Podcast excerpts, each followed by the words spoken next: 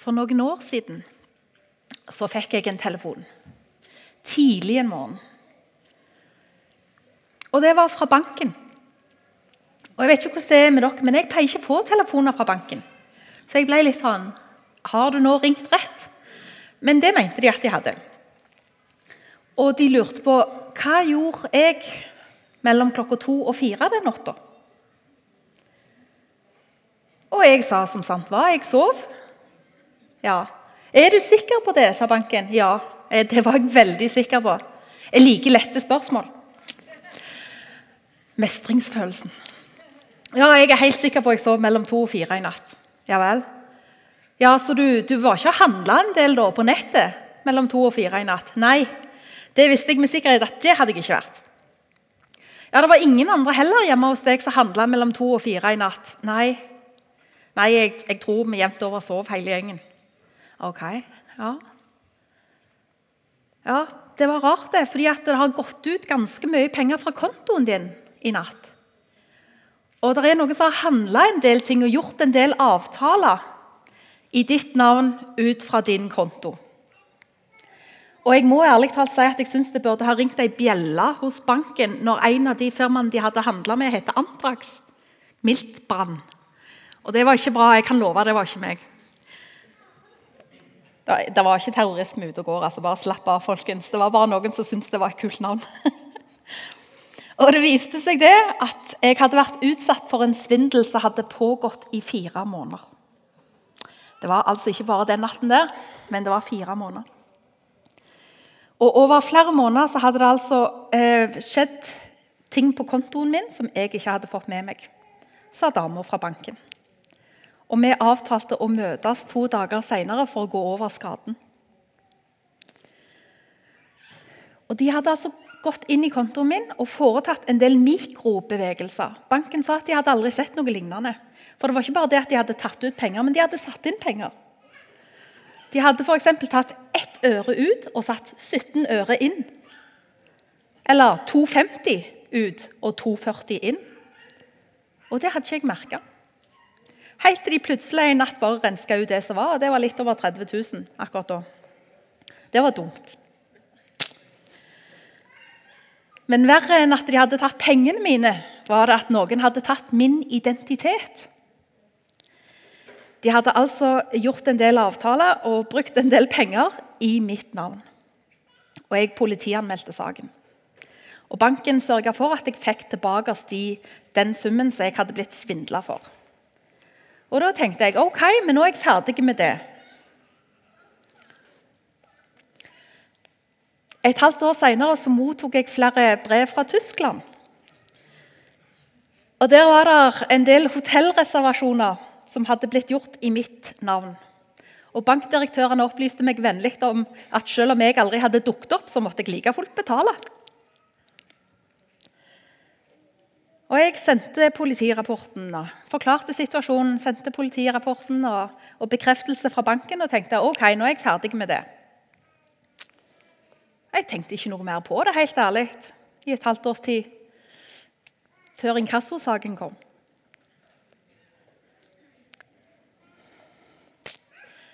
Det tok bortimot to år å legge den saken død. To år for å bevise at jeg ikke hadde gjort noe galt. To år for å få de til å frafalle de kravene som de hadde stilt til meg. Jeg hadde faktisk ikke gjort noe annet enn å ikke følge godt nok med på mikrobevegelsene i nettbanken min. Det angrer jeg til gjengjeld fryktelig på. Og Jeg tipper det er ganske mange av dere som skal hjem og studere nettbanken akkurat nå. Ja. Den opplevelsen av å bli invadert, av å bli krenka, gjorde at jeg følte meg så dum. Jeg burde ha fulgt bedre med. Jeg burde ha skjønt. Og plutselig så hadde jeg åpna døra på gløtt, og inn kom skam.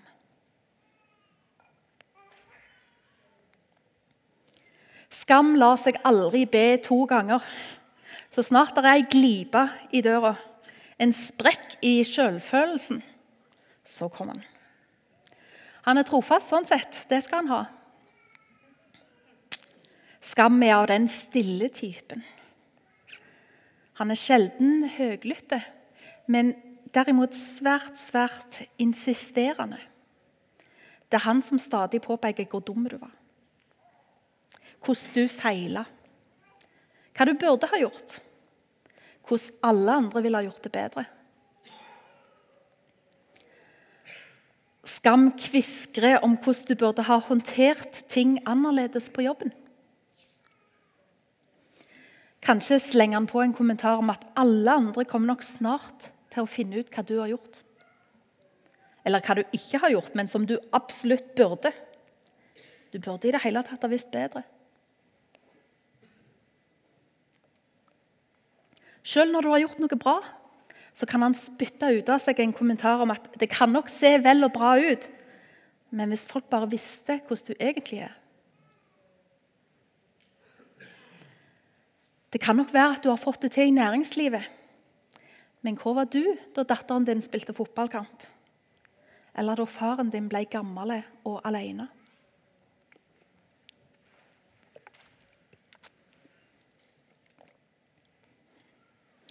Kommentarer som 'heldigvis så har hun utseende med seg', for hun er jammen ikke den skarpeste kniven i skuffa. Eller det er i hvert fall godt at han er en god arbeidskar. Han har iallfall det. Komplimenter med innebakt brodd. Som såra, gjorde skade og etterlot arrvev. Skam setter en stor rød ring rundt de områdene der du kommer til kort. Og merk deg, Han nevner ikke med et ord at det er utviklingsmuligheter. Utviklingsområder som innebærer et, et potensial, en mulighet til vekst. Det sier han ingenting om. Alle mangler gjøres til negative profetier. Ikke er du bra, og ikke kommer du til å bli bedre heller. Du blir aldri bra. Du blir aldri god nok. Skam tar med seg til og med det som er fint og godt, og perverterer det til noe som du vil holde skjult. Noe som blir vanskelig. Noe som ingen andre må få vite om.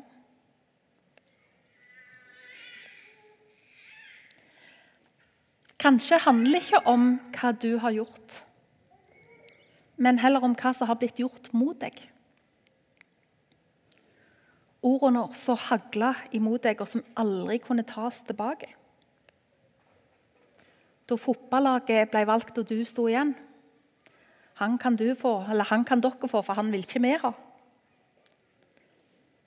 Da invitasjonene til bursdag ble delt ut, og det aldri kom noe kort i din ransel.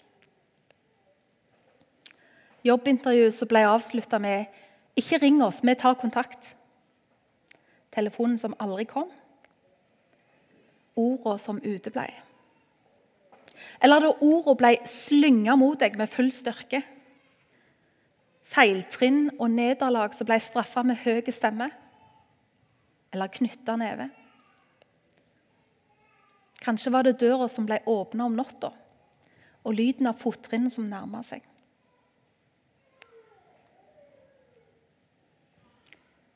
Ting som ble gjort mot deg omstendigheter som former deg. Håpet som du ennå ikke har sett innfridd. Gifteringen som du fortsatt ikke har. Graviditetstesten som ennå ikke har vist det som du venter på. Sykdommen som fortsatt herjer kroppen. Eller rusen som du ikke klarer å velge vekk ektefellen din som heller ville være sammen med noen andre.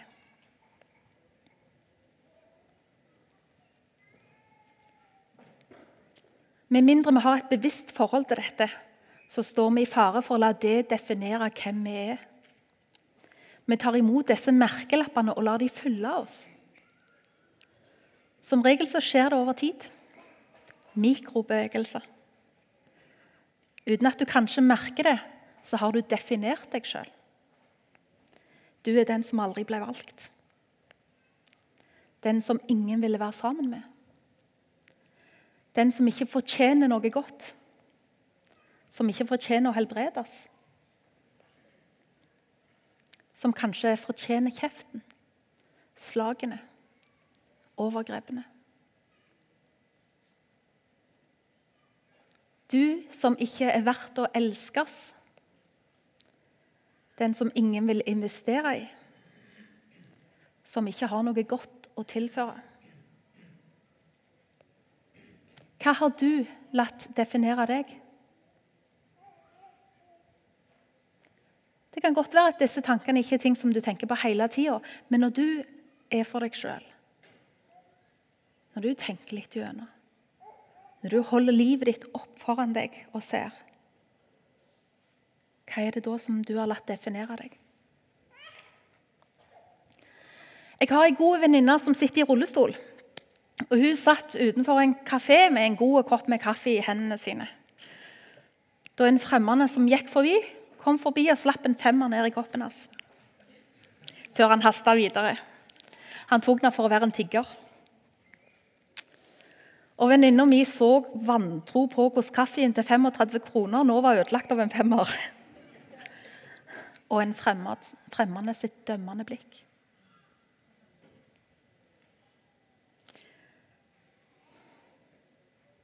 Kaffen ødelagt av en femmer. Feilplasserte intensjoner. Heldigvis så forvandla ikke det hvordan hun så på seg sjøl. Hun vente seg bare til å legge ei hånd over kaffen når noen gikk forbi. Og Jeg vet ikke hvordan det er for deg, men for meg så er det lettere å tro på skam og fordømmelse enn det Gud sier om meg. Det er lettere for meg å tro at jeg ikke duger, enn at jeg er underfullt skapt og elska. Skapt i Guds eget bilde. Sånn at om Gud så i et speil, så vil han se mitt ansikt. Så vil han studere det nøye, og så vil han se seg sjøl i meg. Og så vil han glede seg på mine vegne. Og Ser han ned på hendene sine, så ser han meg tegne det. Litt sånn som vi gjorde på ungdomsskolen når vi skrev opp navnet til den som vi hadde et godt øye til. ikke sant? Ingen har gjort det? Er det bare på Klepp ungdomsskole vi gjorde det? Ok, Vi gjorde det én, to eller 50 ganger. Helt til vi var omgitt av det som hjertet var fullt av. Å se navnet på den som jeg var forelska i, det gjorde meg glad. Opprømt, sterk fullt av håp. Og Gud ser ned på sine hender og ser deg. Og han blir fullt av glede, håp og kjærlighet. Er det litt kleint, syns du? Hold ut litt til. Du har, du har, godt av å høre dette. Du har godt av å høre at Gud liker deg. Du skjønner, din verdi fastsettes av Gud. Det er ikke hvordan du ser ut, eller hva du har gjort, som avgjør hvem du er. Heller ikke det som har blitt sagt om deg. Det er Gud. Og Noen sa en gang at dersom Gud skulle sette en prislapp på deg for å vise hvor mye du var verdt, så vil det ikke være 1 million eller 100 millioner. Heller ikke 250, hvis du sitter og tenker det. Men der vil det stå Jesus. Det er så mye du er verdt for Gud. Han sendte Jesus, som ga sitt liv for deg. Og ved at han døde og oppsto, så får du leve. Livet i sammen med Gud.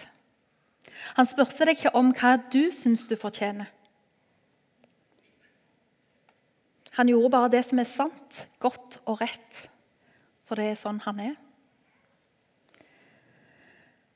Denne høsten har vi bodd i historien om sønnen i Lukas 15. Og I alle år har denne teksten hatt overskriften 'Den fortapte sønn' eller 'Den bortkomne sønn'. Og Vi har hørt om sønnen som karra til seg arven, som nærmest ønska faren død for at han skulle få leve livet sånn som han ønska. Om valgene han tok, som førte til ensomhet, ulykke og tap. om denne sønnen som begynner på den tunge veien hjem for å be om nåde. I den nye bibeloversettelsen så har denne teksten fått en annen tittel. Det handler ikke lenger om den bortkomne eller den fortapte sønnen. Det handler om sønnen som kom hjem. Og plutselig er rammene endra. Får du med deg det? Vi ser det ikke lenger fra sønnens perspektiv, men fra Guds perspektiv.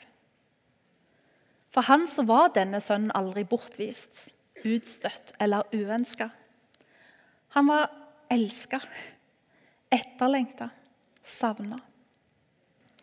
Og Jeg ser for meg det er en far som står ute på gårdsplassen og venter. Speider, myser gjennom støvet, og hånden skygger for sola. Så han noe langt der vekke? Nei, det var visst noen andre. Ikke den han venta på. Ikke den han lengta etter. Og Fra tid til annen så roper han ut 'Du er ikke det du har gjort'. Du er ikke det som har blitt gjort mot deg. Kom hjem. Jeg vil bare du skal komme hjem. Er barnet som ikke forstår kjærligheten, mindre elska? Nei. Jeg vet at en mors kjærlighet ikke endrer seg selv om barnet er langt vekke. På samme måte så holder pappahjertet fast ved håpet og den ubetinga kjærligheten. Gud er en far som elsker, som venter, som speider etter sitt barn. Han er selve legemliggjøringen. Definisjonen på kjærligheten som utholder alt, tåler alt, tror alt og håpe alt. Og hvem er så du? Du er den det er verdt å vente på. Eller at du ble lei av firelivet ditt. Det ble jeg. Eller jeg burde kanskje si jeg blei det. Eh, for greia er det at du lever livet ditt, og så dør foreldra dine. Og så arver du det de har bygd seg opp gjennom et langt liv. Men det var ikke egentlig godt nok for meg, for jeg ville jo leve livet mitt nå. Så derfor tenkte jeg skulle gjøre noe med det, så jeg gikk til faren min og så sa jeg Far, jeg vil ha det jeg fortjener nå med en gang. Det var det min yngste sønn sa til meg. Jeg vil ha det jeg fortjener. Alt jeg kunne tenke, var jeg vil gjerne gi deg akkurat det du fortjener. Men han er sønnen min, og jeg er glad i ham. Så jeg ga ham pengene og sa at hvis han kunne få et bedre liv på egen hånd uten meg, så måtte det være hans valg. Så pakket han sammen tingene sine, og før jeg visste ordet av det Så var jeg ute av dørene. Jeg sa farvel med lett hjerte. Eh, det var et kjedelig sted. Jeg hadde så masse spennende jeg hadde lyst til å besøke. Så mange spennende folk jeg hadde lyst til å, å hilse på. Så mange plasser jeg hadde lyst til å dra. Så det første jeg gjorde, det var å Sønnen min gikk seg bort. Jeg elsker ham, men han er ingen verdensmester i orientering. Jeg hørte at han måtte stoppe for å spørre etter veien minst fire ganger før han i det hele tatt kom seg ut av hjembyen vår. Nei, nei, nei, det var ikke fire ganger. Det var bare tre. Og en av gangene var ikke min skyld engang. Fordi uh, han jeg prata med, jeg skjønte ikke bæret av hva han sa. liksom. Så jeg sa bare OK, takk skal du ha. Og, og dessuten eh, Eneste grunn til at jeg ikke kan ta imot veiledning, er fordi at noen ikke har lært meg å ta imot veiledning. Nei, ikke begynn på den retningen. Ok, hør her da. Poenget var at jeg kom meg derfra. Eh, plutselig så hadde jeg mer venner enn jeg kunne drømme om. Jeg hadde de feiteste klærne. Jeg spiste som en konge. Jeg hadde de kuleste skoa. Og damene mm, mm, mm. Jeg vet ikke hva jeg skal si om de damene engang. Og jeg kan si noe om damene. De var kvinner, men selve damete var de ikke. Ok, ikke heng deg opp i detaljer. Poenget var at livet var bra. Helt til um, Helt til sønnen min hadde brukt opp alle pengene sine. Omtrent samtidig med at det ble nedgangstider i landet vårt. det, det var umulig å finne jobb.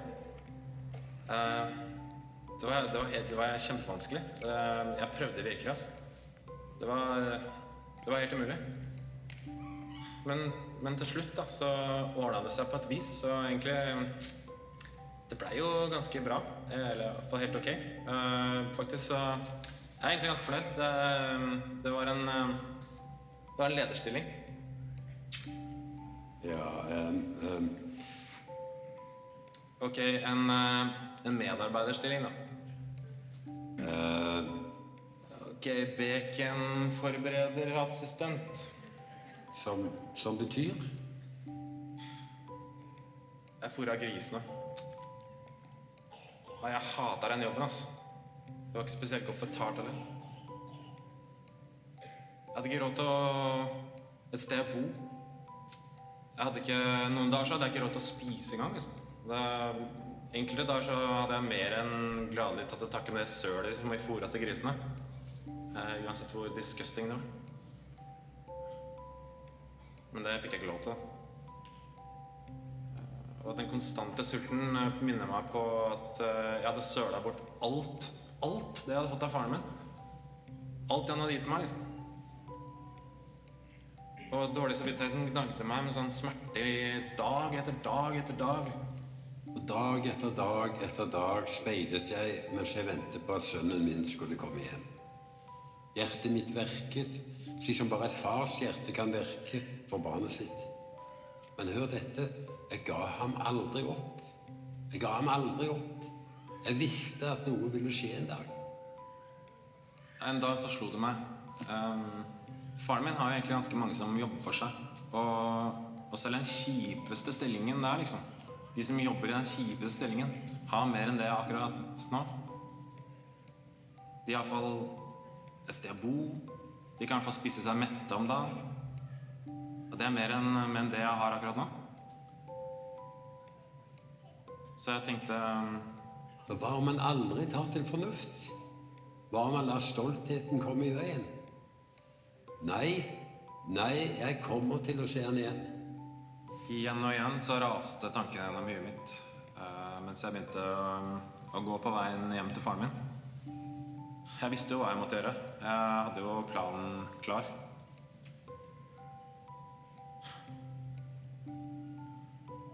Jeg kunne ikke akkurat forvente at han skulle ta meg tilbake, at alt skulle bli som før, at jeg skulle være sønnen hans. Og... Men jeg tenkte kanskje at jeg kunne søke jobb.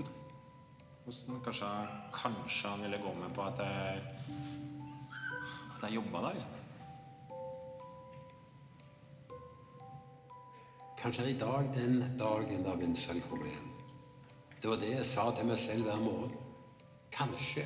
Kanskje er i dag den dagen da jeg får se ham langt der borte mens han kommer gående igjen. Hjem. Det, det ordet betyr så mye.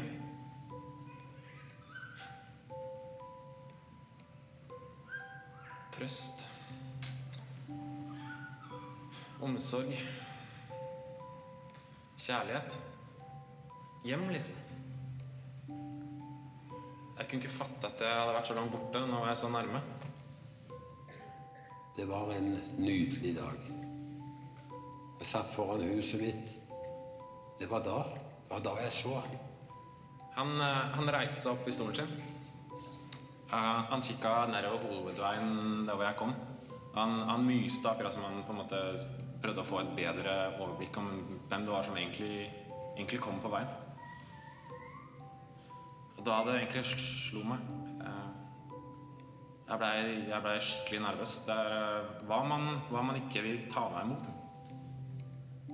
Hva om jeg kommer til den, og så, det eneste han sier til meg, det er eh, Det var det jeg sa. Det var det jeg sa. Noen av dere himlet med øynene hver gang jeg snakket om sønnen min. Men jeg visste. Jeg visste at han ville komme tilbake. Jeg visste. Jeg visste jo at jeg var en dårlig dag.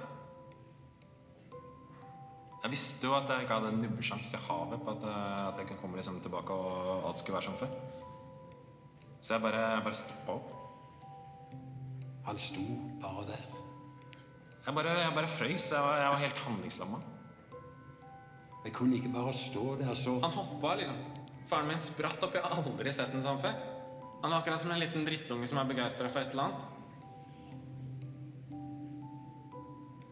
Og det, var egentlig da det først, først da det slo meg at uh, han- er begeistra for meg, liksom. Så vet du hva jeg gjorde da? Jeg løp. Jeg, jeg sprang. Hjertet mitt hamret for at du bare kom meg til deg. Jeg, jeg har aldri sett en løpe så fort. Han, han sprang mot meg med åpne armer, akkurat som han ville si 'Velkommen hjem! Velkommen Kom hjem!' hjem. Det var det jeg ropte til ham, men jeg, jeg visste ikke om han hørte meg, så jeg ropte igjen og igjen.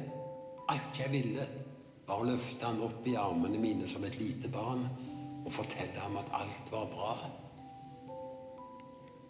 Da jeg kom nærmere, så så jeg tårene som rant nedover ansiktet hans. Han grein.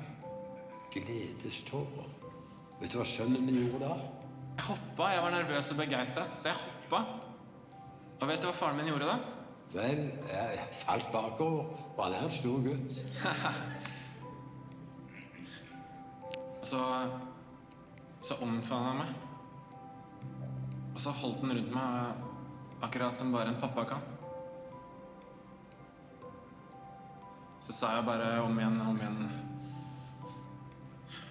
Pappa, jeg jeg, jeg er lei for det. Jeg er lei for det. Jeg er lei for det. Jeg fortjener ikke å bli kalt sønnen din.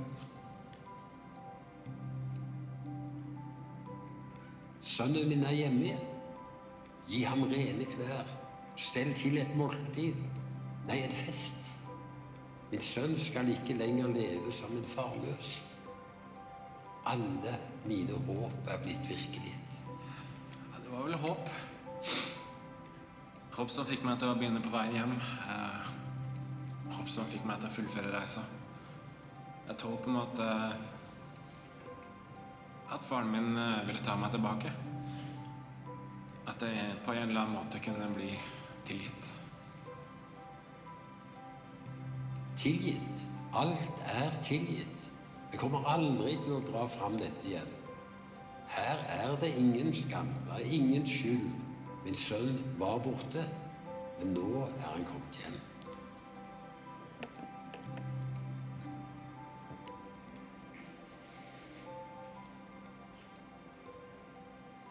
Tilgitt. Alt er tilgitt. Her er det ingen skam, ingen skyld. Du har en far som venter med åpne armer for å ta imot deg. Som sier 'Jeg har venta på deg'. Hele denne tida har jeg elska deg. Du er elska.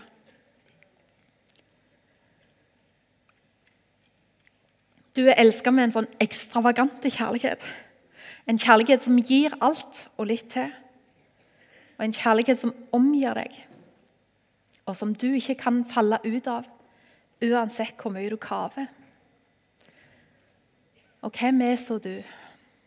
Du er den som er velkommen hjem. Vi går mot slutten. La oss reise oss.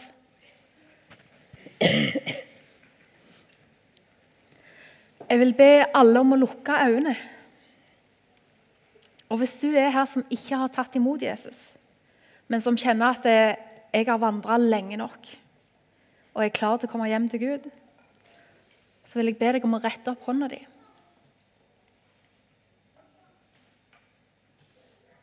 Bare rett den opp og hold den oppe. Jeg vet at Gud snakker med deg allerede. Han har venta på deg og elska deg. Og det er han som ønsker deg velkommen hjem. Gud velsigne deg.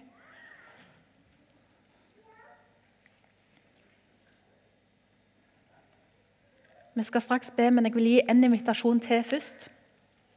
Kanskje er du her som merker at Gud har satt søkelyset på ting i livet ditt som har fått for stort fokus. Hva om du gir det til Jesus? Hva om du slutter å streve og kave sjøl og gir det til Jesus?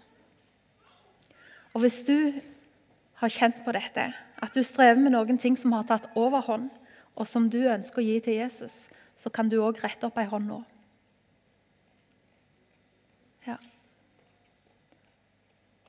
Mm.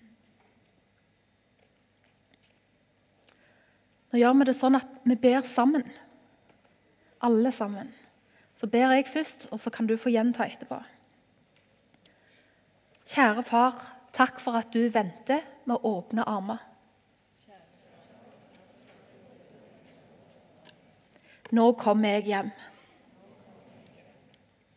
Tilgi meg det som jeg har gjort galt. Takk at jeg får være ditt barn. Takk for at du elsker meg akkurat sånn som jeg er. Og takk for at jeg aldri kan falle ut av din kjærlighet. Jeg vil følge deg, Jesus. Og jeg legger min vei i din hånd. Takk for at du aldri vil svikte meg. Amen. Bare bli stående. Hvis du rakk opp hånda i dag for å ta imot Jesus, så vil jeg anbefale deg å gå bort til forbedrerne som kommer til å stå her borte etterpå, og la de få be for deg, fordi det er den beste, beste starten på veien med Jesus som du kan ha.